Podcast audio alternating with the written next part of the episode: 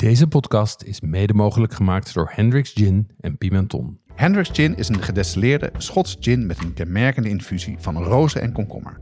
Probeer nu ook de fruitige variant Grand Cabaret.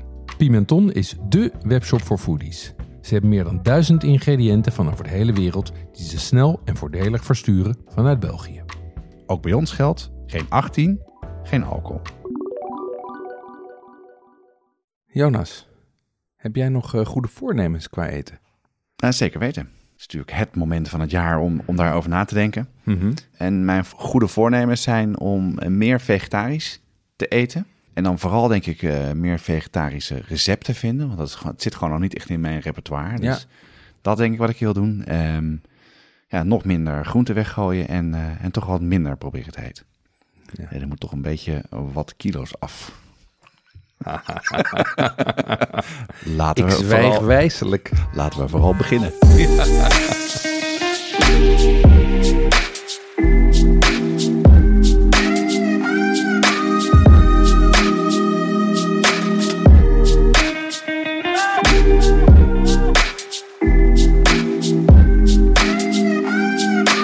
Wat schaft de podcast gaat over lekker eten en drinken, zelf koken en buiten de deur eten. Het is voor iedereen, van de beginnende tot de ervaren thuiskok.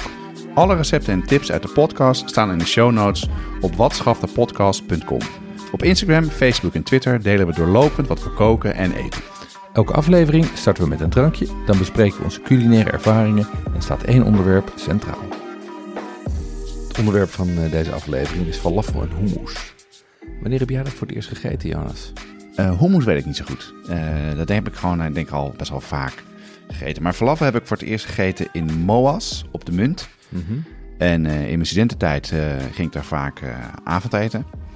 En tegenwoordig nog steeds wel, als we naar de film gaan en eh, die eh, begint vroeg, dat we toch even snel een, eh een falafel halen daar. Maar hummus ben ik eh, vooral gaan waarderen toen eh, Adi, een vriendin van mij, DNA Hummus Bistro geopend heeft in de Westerstraat. Ja, En daarmee realiseerde ik me ineens dat de hummus echt totaal anders kan smaken en eh, ook echt heel erg lekker kan zijn. En Mhm. jij? Wat heb jij met falafel en hummus? ja ik heb, ik heb, eh, voor mij is het ook eigenlijk begonnen bij eh, Moas, of was het Maos? Ik weet het eigenlijk niet eens. Ik weet ook niet. Maar ik, ik kwam bij die, eh, bij die hole in the wall in de Regulus Dwarsstraat. Want voordat ze op de hoek van eh, de munt zaten, zaten ze in een soort van heel klein zaakje eh, midden in de Regulus. Oh ja, dat weet ik helemaal niet. Zo. Ja, tegenover Tuschinski. En toen ik dat daar een aantal keren had gegeten, toen dacht ik, eh, ja, dat ga ik zelf maken. Dat kan niet zo ingewikkeld zijn. dus ik heb een, ik heb een blik, blik, His famous last words. blik kikkererwten gekocht. Daar ga je al. Stuk gedraaid in de, in de keukenmachine. En vervolgens eh, eh, balletjes van gemaakt en in de frituur gegooid. En dat was geen succes. Want dat viel uit elkaar. Dat werd Nou, ik heb een verrassing voor je, want ik heb ze hier eh, voor je gemaakt vandaag. Oh, mooi. eh, Ik ben heel zal Zo, benieuwd. eh, ik ga het zo wel Nou, laten proeven. maar, maar wat wel grappig is, is dat ik eigenlijk bij mij stond hummus helemaal niet op mijn culinaire radar. Als zijnde iets wat bijzonder is of zo. Totdat ik een, een Braziliaanse rela- zakenrelatie, die ook echt een foodie is. Die op een gegeven moment specifiek daar voor hummus naar Tel Aviv ging. Echt waar, Toen dacht hè? ik, what the hell? Wat, Ja. Daar moet iets aan de hand zijn. Dus ik heb hem overigens ook nog voor, eh, voor tips benaderd. Dus eh, eh, wat dat betreft was, was ik een, een slow burner voor, voor hummus. Nou ja. Ehm, ik zie al op het tafeltje staat iets. Ja? Het, ik zie al een, een tumbler met een rode. Het is het tijd voor het drankje. Mijn favoriete moment altijd. en daar zit een. eh, nou, dan ga ik eerst, eerst maar even aan. ik, ik reik hem even aan. Ja. beter. Komt ie. Hij is koud. Ehm, ik dacht van een afstand dat is eh glühwein-achtig iets, maar dat is het dus niet. Eh, ik kijk, het is een tumbler. Eh, het zit een beetje een soort van eh, schuim op. En een schijf met sinaasappel waar eh, zeker weten kruidnagel in zit. Nou, ik ga het eens even proeven. Oh, wat lachen zeg. Ik heb echt geen idee. Nee. Maar het is een soort... Het is, eh, ik ruik, proef koffie. Ja. Dat is die schuim, denk ik. Het is Mhm. heel frissig. Oh, ik heb echt geen flauw idee. het- Wat er gewoon lekker is. Dit, Ja. Wat is het? Vertel. Dit is een, eh, een black tonic. En die heb ik al eens een keer gezien toen ik in het uh, Museum was van de Schreeuw. Met of Oslo. zonder alcohol? Ik ga Zonder alcohol. Oh, gelukkig. Deze keer heb ik het terug. Ik durf het niet te vragen. Ehm, en, en daar had ik hem zien staan, staan op de menukaart. Het is namelijk gewoon een espresso tonic. En ik dacht, nou, grappig dat, ga ik dus niet doen. Dat, dat, dat, leek me niet, eh, dat leek me niet te zuipen. Totdat eh, Mark Jordaan, de directeur van Giraffe Koffie, die tipte ons. die had, die, daar hebben we het eerder al eens over gehad. Die heeft ons wat koffie opgestuurd. En die zei: ja, Wat je ook eens zou moeten proberen te maken als drankje is een, is een black tonic of een espresso tonic. En dat is dit. Dus het is eigenlijk heel simpel. Je vult een tumbler met, met ijs en met tonic. Ik heb in dit geval ehm, de Mediterranean tonic van Fever Tree gepakt. Ja. Daar leg je een plak eh, eh, sinaasappel bovenop die je insteekt met drie eh, ehm, eh, Ja, kruidnagels. ja, En daar giet je volgens een dubbele espresso op. En als dank van, aan Mark voor deze goede tip, heb ik ook een van zijn espresso's gepakt. Dus, nou, dit. Nou, wat een goeie. Ja. Dan ga ik echt... nou, onwijs lekker. Wat ik ook heel lekker vind, is als je hem drinkt, dan ruik je die kruidnagel nog, nog heel goed. Omdat die zeg maar bovenop drijft. Ja, maar niet heel, niet heel storend of zo. Nee. Want, het kruidhaal is natuurlijk een best pittige, pittig kruid. Ja, en, en het li- lijkt mij ook wel eh, eh, geschikt in het kader van, eh, ehm, de, wat is het ook weer? Minder, maar beter. Ja. Het is natuurlijk alcoholvrij. ehm, en past dus ook goed bij Dry January. Overigens hoorde Ga, ik... ga je eraan beginnen? Wat, dat, nee, ik ga geen Dry January doen. Dat niet. vind ik onzin. Ehm, rest- weet je overigens wat ze in België doen? Nee? Daar doen ze Dry February. Eh, nou, en dan, vanwege eh, carnaval of zo? Nee, hoeveel dagen heeft januari? Dit is serieus waar, hè? Ah, dat meen je Dit niet. is serieus slim, waar. Heel Ja, slim. ja. Het zijn die Belgen slim. Ja. hey, en ehm, dit is een heerlijk drankje wat je gemaakt hebt. Maar Ja. heb je ook nog een, eh, een cocktail gemaakt de laatste tijd? Ehm, ja, ik heb. ehm, eh, eh, je kan je wellicht van een aantal afleveringen geleden herinneren dat, we een, eh, dat ik een Martinez heb gemaakt. Daar Ja. heb ik toen een, heb toen een mooie jenever voor in huis gehaald. Toen zat ik een beetje naar die fles te kijken. Ehm, toen ben ik Hij, op hij lonkte naar jou. Hij, hij riep mij: Hallo, ik sta hier nog achterin. Ja, drink bij. Ja. En toen kwam ik, liep ik aan tegen het recept van een Red Light District. Wat dat- is dat, jou? Dat is een Negroni, maar dan met jenever. Oh, oké. Nee. Ja, top, top idee, toch? Ja, heel lekker. Ja, Wat dat, is er eh, anders aan dan? Nou, dat hij, hij heeft natuurlijk een, eh, hij heeft een, een iets nadrukkelijker, hij is iets scherper. Want jenever vind ik ietsje scherper dan, eh, dan gin.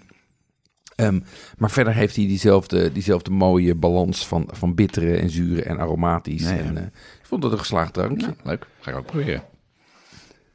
Ja, Maar verder? ja verder. ehm, nou, we hebben samen eh, eh, geluncht bij, eh bij Sjoe. Daar Ja, hebben we het vorige keer al over gehad. En de Sjoe is een soort van terugkerend thema. Maar deze keer hebben we daar geluncht met Kit. Daar hebben we het ook vorige keer over Ja. gehad. Gaan we Ehm, het ook nog een keer over Gaan we hebben. het ook, ja, want dat kunnen we wel vast even een duur, doorkijkje geven. Ehm, eh, wij gaan een, een aflevering met, met Kit maken en die wilden we met hem voorbespreken. Ja. Dus waar neem je iemand dan liever naartoe dan, de, dan wat wij al het, eh, een van de beste zaken van Amsterdam Zeker weten. Dat Zeker was, dat was ook weer heerlijk, ja. Het was weer top. Ja. Dus, eh, dus dat. Ehm, En ik moest ook een keer... En toen, je, ik moest laatst ook iets aan je sturen. En, eh, een foto van een van de kookboeken die we Hmm. gehad hebben. Hè? Dat klopt, ja. Ehm, eh, ik wilde weer eens, zo in de winter wil ik graag zuurvlees maken. Zuurvlees. Ja. Ehm, en ik meende mij te herinneren dat het ook in het boek van, ehm, eh, van Laura stond. Ja, van Café Chic is dat Ja, inderdaad. ja die heeft dat, dat Nederland kookboek gemaakt. Ehm, en eh, daar stond dus een recept in voor, eh voor zuurvlees. Wat op een hele andere manier te werk ging dan ik eigenlijk eh, eh, gewend was. Wat is het eigenlijk? Want ik, Nou, ik ken het eigenlijk niet zo Oké, goed. zuurvlees is, eh, eh, is, is een, een, een stoofgerecht uit Limburg. Dat maak je van, oorspronkelijk maak je het van paard. Maar Oh, je ja. kan het ook van rund maken. Ehm, en eh, dat stoof je in, eh, in azijn met allemaal kruiden en, ehm, eh, en appelstroop. En dat bind je met kruidkoek. Ehm, en dat geeft dus een soort zoetzure stoofvlees, wat ontzettend lekker op friet is. Dus je, Oh, je neemt leuk. friet en dan doe je een lepel van die saus op en mayonaise. Echt maar- waar? Ja, En dat is lekker. ontzettend lekker. Oh, dat vind ik een goede Ja, tips. hè? dat is een, ik zal het recept op de site zetten. Ehm, en, ehm, eh, en Laura die had dus een, eh, had daar een, een nieuwe benadering voor. Namelijk om de hele boel eh, in, een, in een braadslede. En ik heb zo'n mooie nieuwe Star Wars braadslede. Ja. Ja, ja. ik ben heel, echt heel erg jaloers. ik heb hem ook in België moeten bestellen. Ik heb in hem Nederland was hij namelijk niet meer te Ik had krijgen. ge- Ik had geen plek meer in de Nee. keuken. Ehm, maar het grappige is dat zij hem, dat ze hem, Café Chic, die maakt hem sinds jaren eh, door, hem, eh, door hem op 80 graden gewoon een nacht in de oven te zetten. Oh, echt waar? Dus eigenlijk is dat een soort van laag en traag, een soort van eh poor mens sous vide. ja. En dat werkt ontzettend goed. Ehm, dus, dus ik heb een heel lekker nieuw recept. Ik zal het op de site zetten. En was het lekker? ja, het was erg lekker. En, en het wordt doordat je het, doordat je het zo laag en traag doet, wordt het nog zachter dan Oh, ja. wanneer je het aanbraadt en, eh, en dan gaat stoven. Ja, dat vind ik wel het lekkerste van stoofvlees. Dat het echt, echt, echt- een soort, ja. soort van boterachtig aan elkaar valt. ja, Nou, dat, dat heeft dit. Dus dat was een groot succes. Hey, en ehm, eh, jij bent eh, volgens mij ook met een, een, een nieuw jaar een nieuw project. Ik, zag, ik zag een Scoby voorbij komen. Ja, ik een ben, Scooby-Doo. Ja, en Scooby-Doo, ja. Nee, ik ben, ehm, zoals we hebben ook al eerder over gehad, eh, een, wil kombucha maken. Nou, als je kombucha wil maken, moet je een Scoby hebben. Mhm. En eh, ik werd getriggerd door een van de vorige podcasts, waarin we... ehm, ehm, Die Jaja kombucha? ja, precies. Die yuzu. Ja. de yuzu. En toen had ook iemand op, de, op eh, Instagram gezegd, ach joh, dat kan je heel makkelijk zelf maken. Ja. En toen dacht ik, nou, dat eh, vond ik wel een mooie challenge. Ik denk, Ja. nou, dat wordt echt extreem ingewikkeld. Dus ik even wat dingen online gekeken. En het is gewoon het makkelijkste wat er is.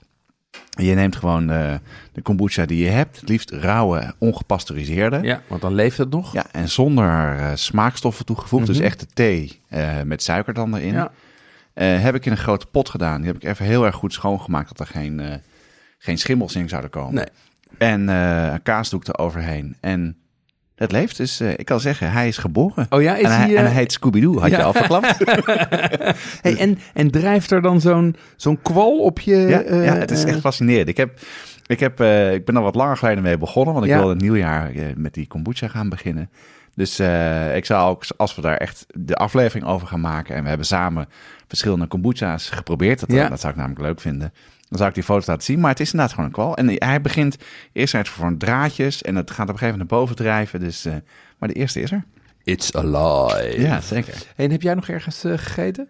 Ja, ik heb gegeten in de Japanner. Dat, eh, Ja. De Japanner zit eh, bij twee zaken in Amsterdam. Eentje op de Albert Kuip, daar zijn ze begonnen. En Ja. eentje in, eh, in de Bilderdijkstraat in, eh, in West. Mhm. En de Japanner is eh, eh, gestart door een jongen die eh, half Japans is. Ja. Veel in Japan is ook geweest. En daar als hij in Japan bij familiebezoek is... altijd naar de lokale ehm, bar gaat. Dat heet Ja. izakaya. En hij legde... Hij was ook laatst in, ehm in Manjaren. Daar legde hij uit eh, wat het betekende. Mhm. En dat betekent dus hier wordt gedronken. Dat is Ja. letterlijk wat het betekent. Ja. Dus hij gaat altijd met zijn familie en vrienden in Japan eh, eten en dan drinken. Ja. Of drinken en dan eten. Ja. En eh, hij dacht van ja, waarom is dat hier niet? En dat had ik ook toen ik in Japan was. Denk van dat is echt een gouden kans. En dan, eh, dat is hij begonnen. Dus Ja. eh, je kan daar dus echt goed Japans eten. Het is ook heel leuk. Je kan, je moet reserveren, kan je tot, eh, tot 7 uur. Ja. Dus daarna is gewoon binnenlopen. Ja.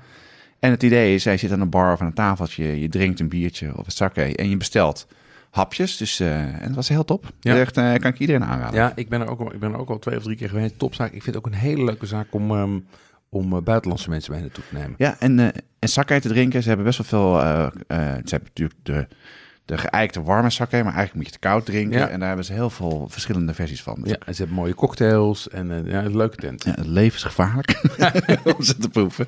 hey, maar goed, dus, dus de Japanner. En verder nog iets anders gedaan? Ja, ik ben. ehm, ik, zoals je weet, kook, kook ik vaak eh, Aziatisch. Dus dan eh, hebben we rijst. En ik, eh, ik gebruik meestal pandanrijst. Mhm. En ik koop bij de Grote Gutter, bij de Albert Heijn, koop ik die meestal het huismerk. Ja. En ehm, ik dacht op een gegeven moment, ook bij, toen ik bij de Chinese supermarkt was, van ja, misschien moet ik toch maar eens gewoon gaan testen. Is er andere, Oké. andere rijst? Dus daar was, Leveling up. daar was dus pandanrijst en dan stond dus bij de kassa, hadden ook ah, een soort van, ik geloof dat er een soort groene draak op stond met allemaal medailles erop. Dus daar had ik een zak van 5 kilo gekocht. En, eh, en dus ook wel even berekend wat de prijs was. Was toch wel Ja. twee keer duurder dan in de Oké. supermarkt. Ik denk, nou, ik ga het gewoon proberen. Ja. Nou, dat was dus geen succes. Nee? nee? Was dit zo... eh, Nee, nee eh, m- mijn, vrouw, mijn vrouw die zei laatst, ja, sorry dat ik moet zeggen, maar ik, eh, ik vind het eigenlijk gewoon niet zo lekker. Gewoon niet zo lekker. Maar ja, het smaakte wel anders? Of, eh? Ja, hij smaakte minder geparfumeerd en, en dat is ook wel, het valt sneller uit elkaar. Dus het is, Oké. ja, dit was, die andere was toch lekker. En, en, en het grappige is, pandanrijst is, is eigenlijk een hele gekke rijst. Want het is eh jasmijnrijst wat eh, veel in, in, eh, in Thailand wordt Ja. gemaakt. En dat is rijst die heel vroeg rijp is. Mhm. En die wordt dan geoogst en gedroogd. En dat heeft een hele, hele sterke parfum. Ja. Maar pandanrijst is vaak of jasmijnrijst gemixt met andere rijst, of het is gewoon rijst met een parfum smaak toegevoegd Ja, ja, ja. en die naar de pandanblad komt. Dus ik denk dat ik binnenkort maar even de jasmijnrijst eh, ga uitproberen. Mm, nou goed. heel goed. Jonas, we hebben een aflevering gemaakt over hot sauces. Dat deden we samen met de mannen achter Heat Supply. Deze hot sauce bazen hebben zelf ook een serie saus uitgebracht. Rijmakers, heetmakers genaamd. Ja, en dat zijn sauzen die niet alleen maar focussen op hitte, maar ook op smaak. En dat is voor ons een kenmerk voor een goede saus. Ze lopen op in pittigheid, uh, van de milde immune booster tot aan de brain buzzer die behoorlijk heet is. En uh, wat ik er zo leuk aan vind is dat het een echt Nederlands product is en dat het prachtige flesjes of doosjes zijn. Nou ja, een flesje die uit een doosje steekt. Uh, heel mooi en uh, leuk als cadeau. Je vindt rijmakers heetmakers op heatsupply.nl of vraag ernaar bij je delicatessenzaak. Hey, laten wij naar het, uh, naar het onderwerp van deze week gaan. Falafel en hummus. Falafel en hummus zijn iconische gerechten met een bijna heilige status in het Midden-Oosten. Um, wij hebben dit een beetje geresearched en wat mij opviel is dat er zoveel verhalen te vinden zijn over de herkomst. Um, jij hebt gekeken, we hebben het verdeeld. Jij hebt falafel gedaan, ik heb hummus gedaan. Ja. Wat heb jij ontdekt? Ja, dat er heel veel verhalen zijn. Ja. nee, de, wat, de, de, de meest voorkomende verhaal is dat, dat, uh, dat falafel uit Egypte komt. Okay. En ook nog wel echt uit, uh, uit heel erg uh, historisch Egypte. Ja. En, um, en dat dat dus via Alexandrië, de havenstad, dat het daar verspreid is over het Midden-Oosten en Mm -hmm. naar het noorden toe. En, en de, de grap is, in Egypte wordt falafel gemaakt met gedroogde tuinbonen. Ja. En naarmate naar het noorden uh, ja, gemigreerd is, wordt het met uh, kikkererwten gemaakt. Aha, oké. Okay. Ja. Uh, anderen zeggen dat het vooral uh, Arabische oorsprong heeft, of dat de Turken het gemaakt hebben, of dat het uit Jemen komt. Dus en er zijn ook hele artikelen over en dingen over. Dus, maar het feit is dat het dus, en dat vind ik wel het mooie aan het, aan het gerecht, het wordt overal in het Midden-Oosten gegeten. Mm -hmm. En vooral door elkaars grootste vijanden. Ja. En die zijn ook nog steeds bezig met te claimen uh, met, met woorden of je het wel of niet mag gebruiken. Ja. En uh, er wordt heel veel in Israël gegeten. En Ja. dat ook omdat het kosher is. Ja. Hè, dus het is, er zitten geen... uh, het is gewoon vegan. Er zitten geen, Geen beest in? geen beesten in. En alleen maar op basis van planten. En dat, dat, zover was gekomen. Ja. En jij, hummus? Hetzelfde soort ja, verhaal? Ja, hummus is, hummus is hetzelfde soort verhaal. Nou, het, wat, wat de, meest, eh, de meest historische eh, verwijzing die ik heb gevonden is, eh, is in het boek van eh, Ruth, Ruth 2, 14. Ehm, en daarin, eh, daarin zegt eh, Boas, als het nu etenstijd was, zeide Boas tot haar, kom hierbij en eet van het brood en doop uw beten in den hommets. Nou, er zijn mensen die zeggen dat De Bijbel, hommets- hè, hebben ja, over. dit, dit is de Bijbel. Ja, dit, dit, dit is de, de, eh, de Joodse Bijbel, zeg maar. Dus, ehm, ja, eh, ja. het boek van Ruth. Ehm, en die claimen daarmee dus dat hummus, dat hommet eh, eh, hummus is. Maar eigenlijk als, eh, als je naar de taalkundigen kijkt, die zeggen uh, hommet is azijn. En het zou zelfs zuurdesem kunnen Oh, zijn. grappig. Wat leuk. Dus eh, dit is waarschijnlijk geen hummus. De eerste keer dat het wel wordt beschreven in iets wat lijkt op, op hummus is eh, in de 13e eeuw in Cairo. En vervolgens is het, eh, heeft het zich verspreid over het Midden-Oosten. Ehm, en wordt het eigenlijk gegeten van Griekenland tot Iran. Ehm, en het is heel belangrijk in de, in de Libanese en de Syrische keuken. Ehm, critici zeggen dat zij het zich hebben toegeëigend, want de Libanezen hebben zelf geprobeerd om hummus een regionale bescherming te ja, krijgen dat bij de EU. gelezen, ja. Ja, Ja. Dus, eh, dus daar is ook eh, daar is veel eh, discussie over. Ehm, voor de Israëli's is het, is het het nationale gerecht. Dus ook die eh, leggen er een claim op. Maar ik, heb een, eh, ik, heb er even, ik, ben, ik ben echt even er diep ingedoken. En eh, toen kwam ik de auteur tegen, Said Liora Gvi- Gvion. Die heeft het boek geschreven Beyond Hummus en Falafel. So- social and Political Aspects of Palestinian Food in Israel. Ja, ja, wij zijn Ongelooflijk. grondig. Um, I think it's an old and stupid debate that's not worth one's attention. Nou. En daar wou ik het even bij laten. Amen. Ja. Goed, falafel. En laten we gewoon eens even praktisch worden. Wat is het eigenlijk? Ja, wat het is. Ik zal eerst uitleggen wat het is en dan eh, zal ik je even een paar laten proeven. Eh falafel, dat zijn ehm, gefrituurde balletjes van eh, gemalen kikkererwten ehm, of gedroogd of tuinbonen. Dus wat ik al zei, in Egypte wordt het vooral tuinbonen gemaakt en sommigen maken een mix. En dan voeg je veel verse kruiden aan toe, veel groene verse kruiden en wat komijn. En dat eh, vorm je in een balletje en dat frituur je en dat eet je met een eh pita broodje met wat tahin en eh, een beetje sla en soms een hete saus. Mhm. Of het is onderdeel van een metse. En een metse, voor de mensen die het niet kennen, is een traditionele, traditioneel gerecht uit het Midden-Oosten. Ja. Een soort van ja, tapas bijna, een grote tafel met allemaal hapjes. En waar dan vaak hummus ook staat. En ook eh falafel. Ja.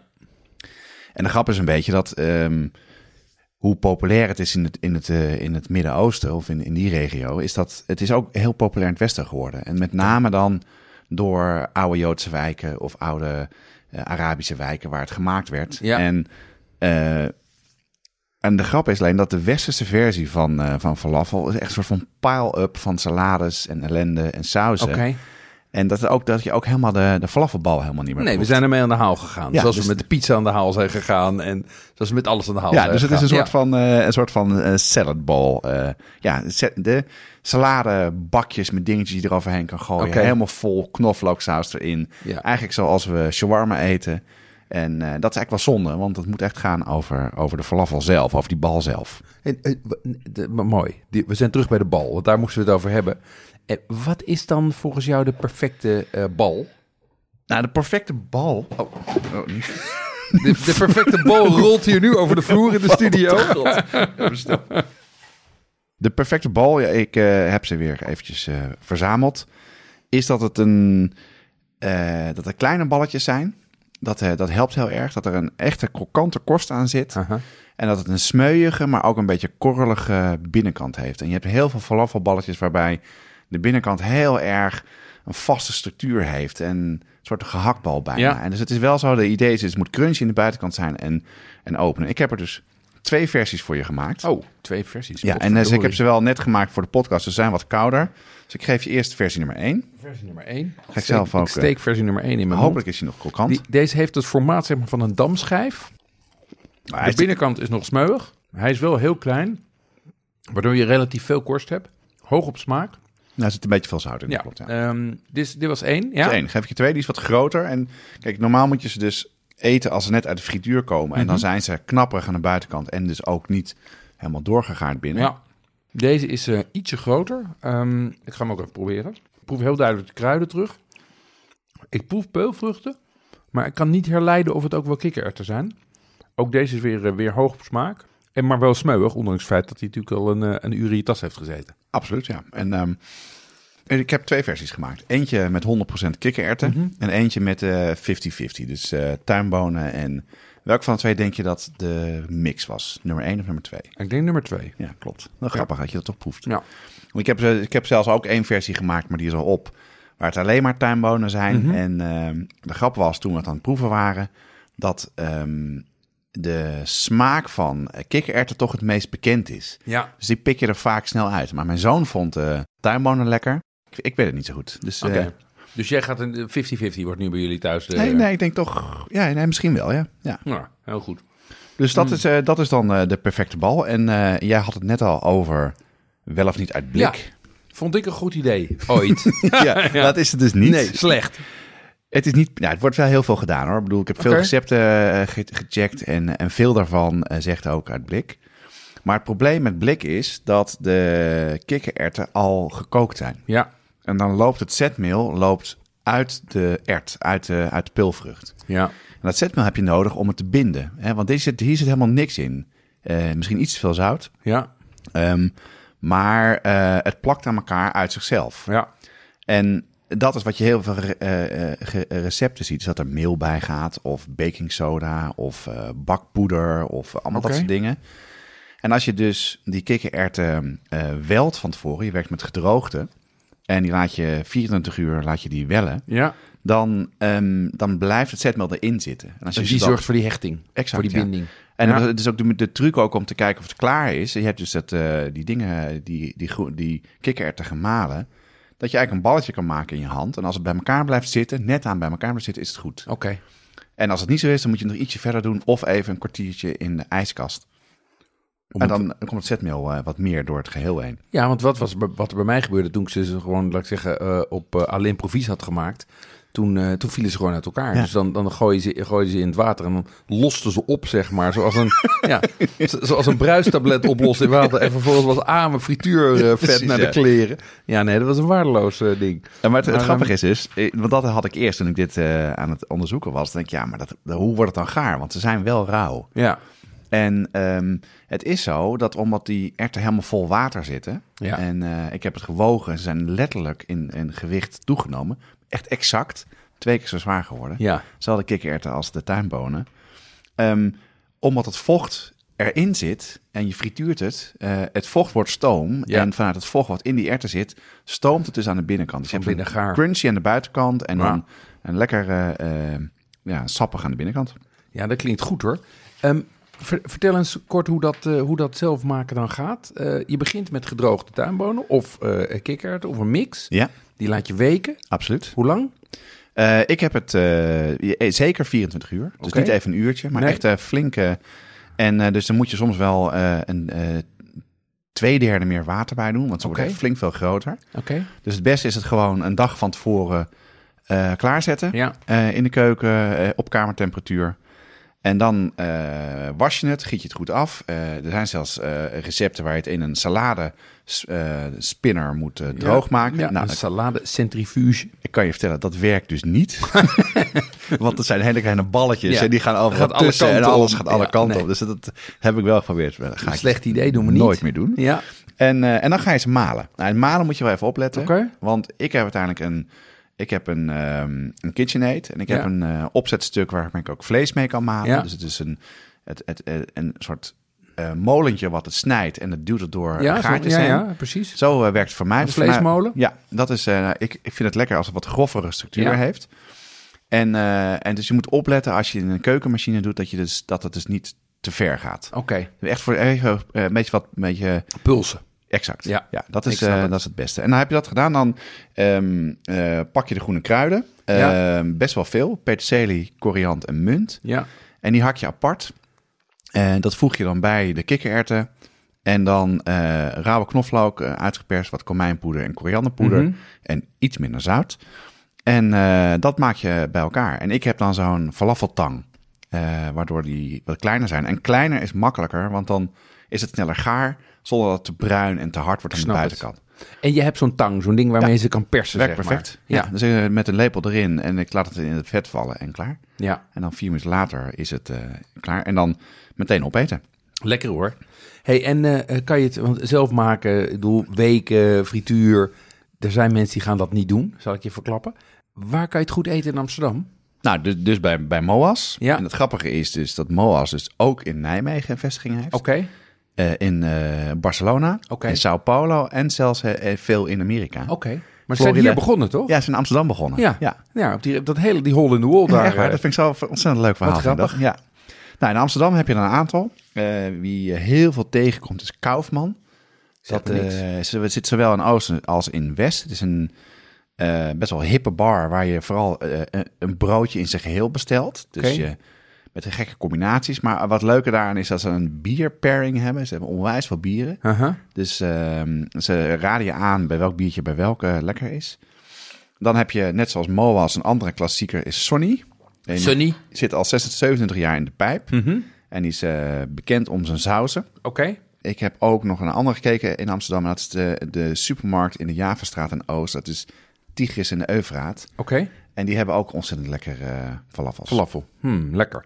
En, en als, we, als we dan eh, onder protesten de stad uitgaan, waar, waar moet... Gaan we natuurlijk als eerste naar Rotterdam. Ja, natuurlijk. Nou ja, in Rotterdam, eh, zowel Mooncake als eh Gijsbrecht van de Buik in, de vorige, in onze vorige aflevering over Rotterdam eh raadt de Shami-huizen heel erg aan. Mhm. Daar kan je het lekker eten. En die, die hebben ook een vestiging in Nijmegen. Dus Nijmegen Oh. heeft al twee plekken waar je heerlijk falafel kan eten. En daar waar ook luisteraars zitten, weten we inmiddels. En eh, ik heb het ook in Parijs gegeten, in, eh, in de Joodse wijk eh, Le Marais. Ja. En dan heb je een soort, ja, zo'n beetje iconisch, is eh, La As du Falafel. Aha. Lange rij, heel veel show, maar wel heel lekker. Daartegen, Hoe, show wat dan? ja, weet je Gooi, wel gooi, nee, gooi ze Oh, van afstand een balletje in de frituur. Nee of joh, wat, dat is gewoon lange rijen, flamboyante obers. En, echt gewoon een beetje toeristisch, maar het is wel lekker. Oké, leuk. En daartegenover heb je Mi Va Mi. Eh, Ja. Die is wat rustiger, ook goed. En eh, als dat allemaal vol zit, kan je het beste naar Chez Marianne gaan. Dat is ook in de Marais. Dus de Marais is de oude Joodse wijk. Ja. Daar kan je het dus ontzettend lekker Ja, een hele hippe wijk inmiddels hoor. Dat is niet meer zo heel... eh, dat, dat, dat, dat, is, dat, is niet meer, dat is niet meer wat het vroeger was. Maar ik bedoel, een hele leuke wijk. ja. Absoluut. Nou, dat is falafel. Ja, En wat ik al zei, bij Metsen eet je falafel vaak met hummus. ja. En dat is ook echt een wereld op zich. Daar heb jij je in verdiept. Dus ik zou zeggen, vertel er wat over. Nou, wat, het, het eerste wat mij opviel is dat als je eh, eh, kijkt, het, het Arabische woord voor kikkerert is al-humas. Dus hummus is eigenlijk gewoon al... Kikkerert is hummus. En, en wat wij hummus noemen, eh, noemen ze daar hummus betahina. Oftewel kikkerert met tagine. Nou, dat is wat het is, hè? Dat is de samenvatting, ja. Het is allemaal niet zo heel ingewikkeld. en, en, en de basisrecept is dus ook kikkererwten, tahini, citroensap, zout en water. Ehm, en dan naar keuze olijfolie en of kruiden. Ja, want dat is, ik ken het in de supermarkt eh, als een alle mogelijke opties, toch? Ja, ja, met allerlei smaken eraan. Maar wat het natuurlijk is, is dat er zitten heel weinig ingrediënten in. En om het dan goed te krijgen, maakt het heel erg uit wat je kiest. Dus er is, het is bijna een beetje als met sushi. Er is ontzettende, mensen kunnen heel specifiek zijn over wat je dan precies moet doen. Ja.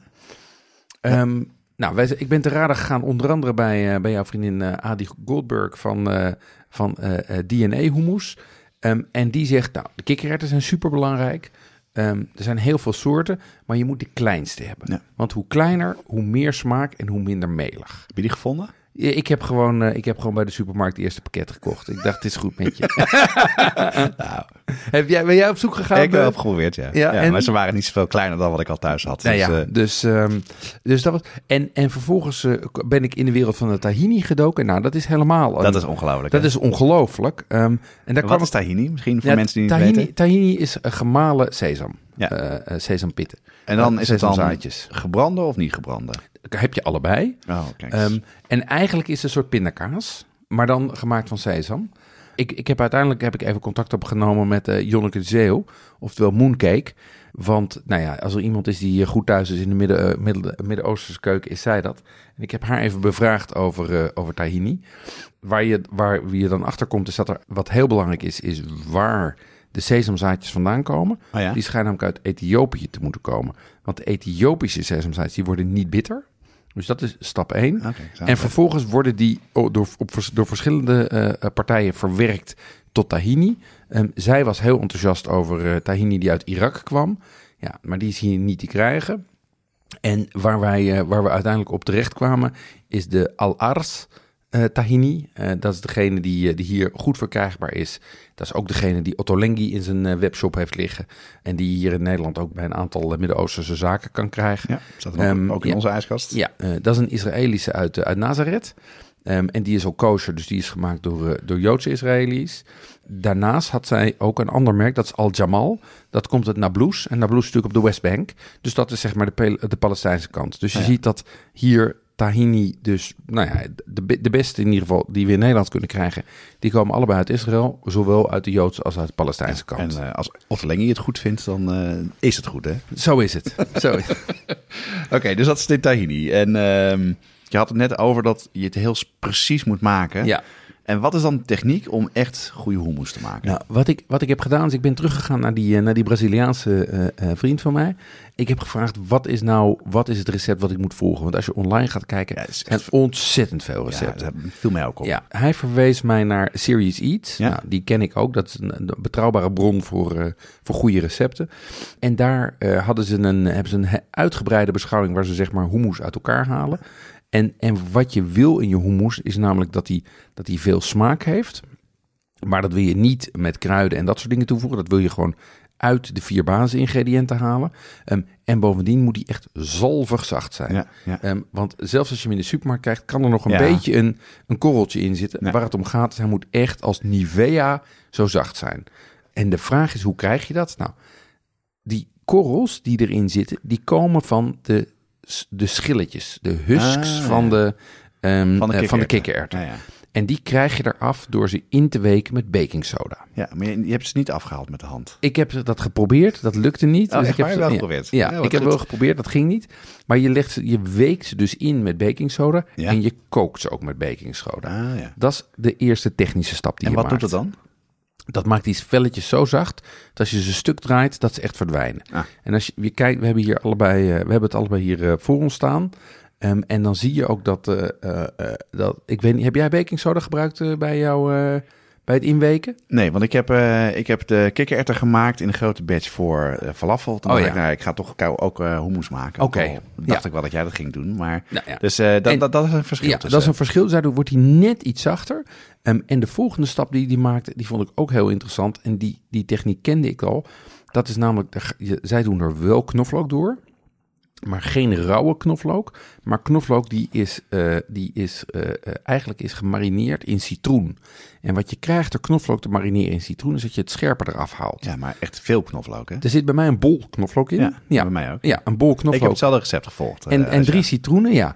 En, en wat je dus doet, is door die, door die knoflook met die citroen te blenderen en hem dan te zeven, haal je de hele scherpe smaak eruit en haal je wel het aroma. Dus dat zijn de twee technische manoeuvres die je moet maken. Um, uh, wat mij ook, wat, nou ja, dus je begint met die kikkererwten te weken, dan ga je ze koken. Um, vervolgens ga je ze blenderen. Um, en dus dat zegt dat recept ook. Je moet ze dus niet in de keukenmachine maken, maar in de blender. En waarom dan? Omdat de, omdat de keukenmachine, de blender maakt ze fijner dan de keukenmachine. De keukenmachine houdt het toch een beetje grof. Ah, okay. En een blender die maakt ze fijner. Het enige nadeel is dat een blender heeft eigenlijk vrij veel uh, vloeibaarheid nodig om te kunnen functioneren. Ja, dat weet ik alles van. Ja. en dus, dat was echt een hel was het. En dat is dus waarom je ze warm moet verwerken. Ja, ja. Want als ze warm zijn, zijn ze zijn ze vloeibaarder, is het vloeibaarder dan wanneer het afkoelt. Dus daarom doe je dat koud. En dat moet je dus niet in de keukenmachine doen, maar in de blender. Ja, en dan moet je dus heel erg opletten in de blender dat je het dopje eraf haalt. Ja. En dat je daar een handdoek boven doet. Want als je dat niet doet, het is natuurlijk heel heet, dan ontploft het bijna ja, als je hem opent. dan schiet dat dopje eruit voor, door de stoom. Ja, dat is echt gevaarlijk. Precies. Dus, um, maar goed, laten we even proberen wat we, ja, wat we hebben staan doen. hier. We hebben, we hebben dus allebei hetzelfde recept gemaakt. En, en gaan nu elkaars hummus even proberen. En dan uh, heb ik die van jou en jij die van mij. Hè? Ja, precies. Nou, qua kleur is het uh, bijna hetzelfde. Precies. En Jeroen is volgens mij ietsje fijner. En welke tahine heb je gebruikt dan? Ik, heb, um, ik kon alleen maar Turkse tahine hier krijgen. En die vond ik eigenlijk een beetje aan de bittere kant. Nou, nou vertel, wat, wat vind jij het verschil? Het is wel uh, heel anders, hè? Ja, ik denk dat die... Um, wat me opvalt is dat de consistentie van allebei goed is. Dus hij blijft staan, zeg maar. Hij ja. loopt niet weg. Kan je goed uh, in, in, een broodje doorheen halen. Kan je goed een broodje doorheen halen. Wat we nu aan het doen zijn. Um, uh, die van jou heeft iets meer korreligheid nog. Ik vind hem bij jou wat frisser en wat minder zout. Nou, ik heb er weinig zout in gedaan. Um, ja, ik, heb er, ik, heb er, ik heb alleen zout in het kookvocht gedaan. Maar ah, ja? Um, ja? geen zout er meer doorheen daarna. Ja, ik wel. Maar ik heb ook in die van mij wat olijfolie gedaan. Een heel klein beetje paprika poeder. Oké. Okay. Ik moet zeggen, ik vind hem sowieso oneindig ver lekkerder dan wat je in de supermarkt koopt. Heerlijk, hè? Dit. Verschil van dag en nacht. Ja. Ik denk dat het belangrijkste verschil in smaak overigens bij ons die, um, die tahini is. Ik denk het wel, want die van jou is bitterder, hè? Ja, die, voor mij is bitterder. En wat ik, wat ik overigens ook um, uh, uh, interessant vind uh, bij het maken van dit recept... is dat op een gegeven moment meng je dus je, je citroensap met je uh, tahini. Ja, dat vond ik dus ook. En het wordt een soort stopverf. Het is ongelooflijk. Ja. Ik, ik, ik had het, ik las dat, denk nou, het zal wel. Ja. Ik deed het in en ik was echt een soort... Uh... Want je begint met een heel vloeibare tahini, die zeg maar gewoon die lopend is als een milkshake. Ja. En vervolgens doe je er een beetje citroensap in. En voordat je het weet heb je een soort, ja, een soort stopverf ja. te pakken. Um, en dan ga je hem weer verdunnen. Uh, dus dat, is, uh, dat vind ik heel interessant. En dat heeft, maar dat herken ik wel. Dat kan ook met chocola kan dat gebeuren. Oh, Soms ja? als je chocola verwarmt en daar vocht bij doet, dan begint die ook zeg maar te, te klonteren. En ik heb het ook wel eens meegemaakt met pindakaas. Um, ah, ja. En wat er gebeurt namelijk, is dat als je er vocht bij voegt, dan begint die, uh, dan begint die, um, uh, die koolhydraten, die, die zetmeel, die begint met elkaar te klonteren. Dus waar die, waar die zetmeel eerst zeg maar ronddrijft in het vet, ah, ja. krijgen ze nu door het, door het vocht, beginnen ze aan elkaar te plakken. Ja. En moet je dus eerst, wordt het eerst dikker voordat het weer dunner wordt. Wat ik heel grappig aan het recept vond, is um, dat ik ook toevallig bij dezelfde site was uitgekomen voor uh, de falafel. Ja. Maar dat als je de kikkererwtenpuree op zichzelf proeft, denk je echt van, nou, ik weet niet of het gaat lukken. Maar. Ik dacht echt, nou, ik, uh, ik, misschien heb ik een fout gemaakt in het recept. Mm -hmm. En toen ik het bij elkaar deed, was het gewoon zoals ik het gewend ben. Ja. ja. Dus, um, nou, ja. en ik moet wel zeggen, ik heb, uh, ik heb nu best wel een batch gemaakt. Ik heb er eentje ingevroren. Ik weet niet of dat, uh, ga kijken of dat werkt. Van die, uh, van die hummus? Ja. Oh ja, nee, wij, wij, moeten gewoon elke dag en de hele dag hummus eten. Kinderen hummus mee naar school. Ja, ik vind het heerlijk. Ja. ja. Dus, um, en het is hartstikke gezond voor je. Ja, hoewel het natuurlijk wel kletsvet is. Hè? Laten we niet... Uh... Nou ja, maar goed, weet je, dat is wel zo. Maar je hoeft toch niet... Maar het, kijk, het vult heel erg. En ik, ik vind het heel prettig, prettig eten. En ik had ook wel een goede tip gekregen van een vriend van mij, van, van John. Mm -hmm. Hij zegt, als je er okay. een klein beetje kombu doet als je het meekookt, ja. dat maakt een wereld van verschil. Oké, okay. ja, en dan wat... gooi je er wat umami bij. Ja, maar ook, het is dat. En, en wat hij ook zegt, is dat de vocht moet je niet weggooien. Oké. Eh, want dan kan je namelijk eh, vegetarische mayonaise van maken. Ja, nee, dat is dat is ook de echt super. aquafaba is, eh, is, dat is het kookvocht van, eh van kikkererwten. Dat kan je gebruiken als eiwitvervanger Ja. zelfs. En, daar, Ja. en hij maakt er dus ook heel vaak in zijn restaurant maakt hij daar ook mayonaise van. Ah, wat slim, wat slim. Maar goed. Nou, Hey, ja. en dus Ja. nu zelf maken. Ja. Ook hier hopen we dat jullie het ook gaan doen. En ik geloof me, en geloof Jeroen, het is heel erg makkelijk. ja, het is Alleen- ingewikkeld. Je moet alleen eventjes die, eh die kikkerert een dag van tevoren weken. Maar goed, iedereen die de Christmas cake maakt of het zuurdesem is gaan maken, is, Is wel niet bang gewend. voor anticiperen. Nee. Dus eh, nou, dat, eh, doe het zeker, want het is echt eindeloos veel lekkerder dan in de supermarkt. En Maar als je het wil eten, waar kan je dat dan eten? Dan Ja. is het bij Amsterdam beginnen. Nou, dan komen we natuurlijk eh, eerst terecht bij, ehm, eh, bij de zaak waar wij ook ons advies hebben gehad bij DNA. eh, eh, Hummus Bistro. Hummus Bistro, Ja, precies. in Amsterdam Oost en West zitten ze. ja, die hebben, een, die hebben allerlei hummusgerechten op de kaart staan. Je hebt ook Sir Hummus. Ja, ken ik niet. Dat is de grote concurrent voor eh ja, ja, eh, wel. DNA eh, Hummus Ja, Bistro. Ja. Doen het ook goed. Um, Mana Mana, wat een leuke Israëlische eh, vegetarische zaak is eh, in de pijp. Grappig. Eh, zo, ook sowieso een aanrader om te eten. En eh, ook hier kwam eh, Mooncake weer met een top eh, tip. Die zei op de Lindegrachtmarkt staat Abu Sali, een Palestijnse man, die verkoopt daar hele goede falafel. echt waar? En, ja, en hele goede eh hummus. Nou, dat is echt op zaterdag, toch? Is Op dat zaterdag, ja. En, en daar heb je dus ook, we hebben het eerder gehad over saté. Die staat er volgens mij ook. Nou, dat is, ik moet Dus vaker naar de ik, eh, Lindegrachtmarkt. ik ga toch weer eventjes die kant op. Ik woon er vlakbij. En als je op reis bent? Ja, nou, wat, wat het instituut is in Tel Aviv is Abu Hassan. Iedereen zegt dat is de plek om naartoe te gaan. Ja. Eh, maar er zijn, ook weer, er zijn ook weer tegenhangers die zeggen van ja, je hebt ook Shlomo en Doron. Eh, die doen ook hele goede eh, hummus. Wat ik een interessante tip vond, wederom van Mooncake, is Bahadounas. Die zit in eh, Ramat Gan, dus dat is ook in Tel Aviv, maar in het, in het Arabische gedeelte. En wat in, de, in Amerika het instituut is op dit gebied, is Zahav in Philadelphia. Ja, ja, dat is, dat is de, de zaak daar voor alles wat, wat Midden-Oosters is. En dan vooral met, met hummus. Nou, Jeroen, dat zijn eh, ontzettend veel tips. Eh, ik denk een heel mooi start van het, eh, van het nieuwe jaar, van het nieuwe decennium. Vegetarisch. Waar zullen we het de volgende keer over hebben? Nou, volgende keer hebben we weer een gast. Ja. Ehm, volgende keer doen we de eerste aflevering in het Engels. In ieder geval het interviewgedeelte. Want Kit, de, de sushi master, ehm, eh, die met zijn pop-up restaurant, die is bij ons de gast. Ehm, en wij gaan met hem een, ik zou bijna willen zeggen, sushi voor gevorderden. Een sushi masterclass Ja. doen. Ehm, en hij gaat ons alles vertellen over sushi eh, en omakase. Dat wordt redelijk eh, freaky, maar ik denk wel, eh, wel heel leuk. Zeker als je geïnteresseerd bent ik verheug me echt op. Nou, reacties kan je sturen naar onze e-mailadressen. Jeroen, het Watschafte podcast of Jonas, het Watschafte podcast. Wat goed werkt is een DM sturen via ons kanaal op Instagram. We zouden het heel fijn vinden als je een review achterlaat op Apple Podcast. En vooral schrijf vooral wat je ervan vindt. Dat vinden we het leukste echt om te lezen. We hebben nog een paar leuke reacties gehad. Eh, want firma Moes, Jeroen, die... eh, Ja, firma Moes is, eh, is, is een, een, een, een messen speciaalzaak aan het Safati Park. ja, ja. Daar kom ik al, breng ik al jaren mijn messen om te slijpen. En die bleken ook fanatiek te luisteren en grote fans van, van Watschaf de podcast. Nou, wat leuk hè. Dus dat vonden we heel leuk. Die benaderden ons op Instagram en nou, daar zijn wij, zijn we heel blij mee. Wat ik ook een leuke reactie vond was, ik heb een, eh, wat eh, op dit moment eh, op Netflix draait een serie The Game Changers. Ja. documentaire over, over vegan eten. Ja, moet nog steeds kijken. Ja, en ik kreeg toen ik hem zat te kijken al een beetje het gevoel dat het een verkoopverhaal was. Oh ja? Ehm, ja, en toen, ben ik, toen ben ik even wat, wat research gaan doen en bleek dat het ontzettende selectieve lezing is van, van, van het onderzoek hier naartoe. Ja, Dus ja. had ik een wat kritische post op, eh, op Instagram story eh, van gemaakt. Daar kreeg ik heel veel bijval voor.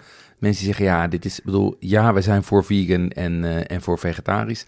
Maar met dit soort eenzijdige eh, betogen over dat, het al, dat alles alleen maar beter is vegan. Ja. En ook verdraaien van de feiten, daar help je de, daar help je de discussie ook niet mee. Nee, ik, wat, ik heel knap van die, wat ik heel knap aan vind, is dat ik veel mensen om me heen daardoor echt een verschil zijn gaan maken in hun eten. En anders zijn gaan koken. Dus dat vind ik echt wel goed eraan. Dat is ook zo, maar for all the wrong reasons. Ja, ja, het is echt. Want, nou ja, goed. Je, je, je moet maar eens even. Ik, ga, ik ga kijken, dan hebben we de andere later keer nog een Lijkt me heel goed, ja. We kregen ook een ontzettend leuke reactie van eh vaste luisteraar Maarten, Maarten van Kouwliel. Eh, en die eh, met als titel Twee ontdekkingen in één. Mijn eerste ontdekking was het fe- fenomeen podcast. Ik had er al eerder van gehoord, maar wist eigenlijk niet precies wat het is en eh, hoe het werkt. Net zoals een grote groep andere mensen. Nou, ik denk dat dat heel erg klopt. Maar de leukste ontdekking was toch wel Wat schaft de podcast. Eerlijk gezegd ben ik hierdoor nog meer in de keuken gegaan. En ook meer buiten mijn comfortzone gaan koken. Ik maak inmiddels regelmatig zelf zuurdesembrood en ben ook al weken mijn sterke drankvoorraad over de veelbelovende kerstcake aan het, kerstcake aan het kwasten. Mooi. En wellicht niet voor iedereen, maar voor vele kookgekken een enorme aanwinst, Maarten. Nou, dat vind ik te gek, want Maarten is echt een mega goede kok. Dus uh, super compliment. Dankjewel, Maarten. Tot uh, de volgende keer. Tot de volgende keer.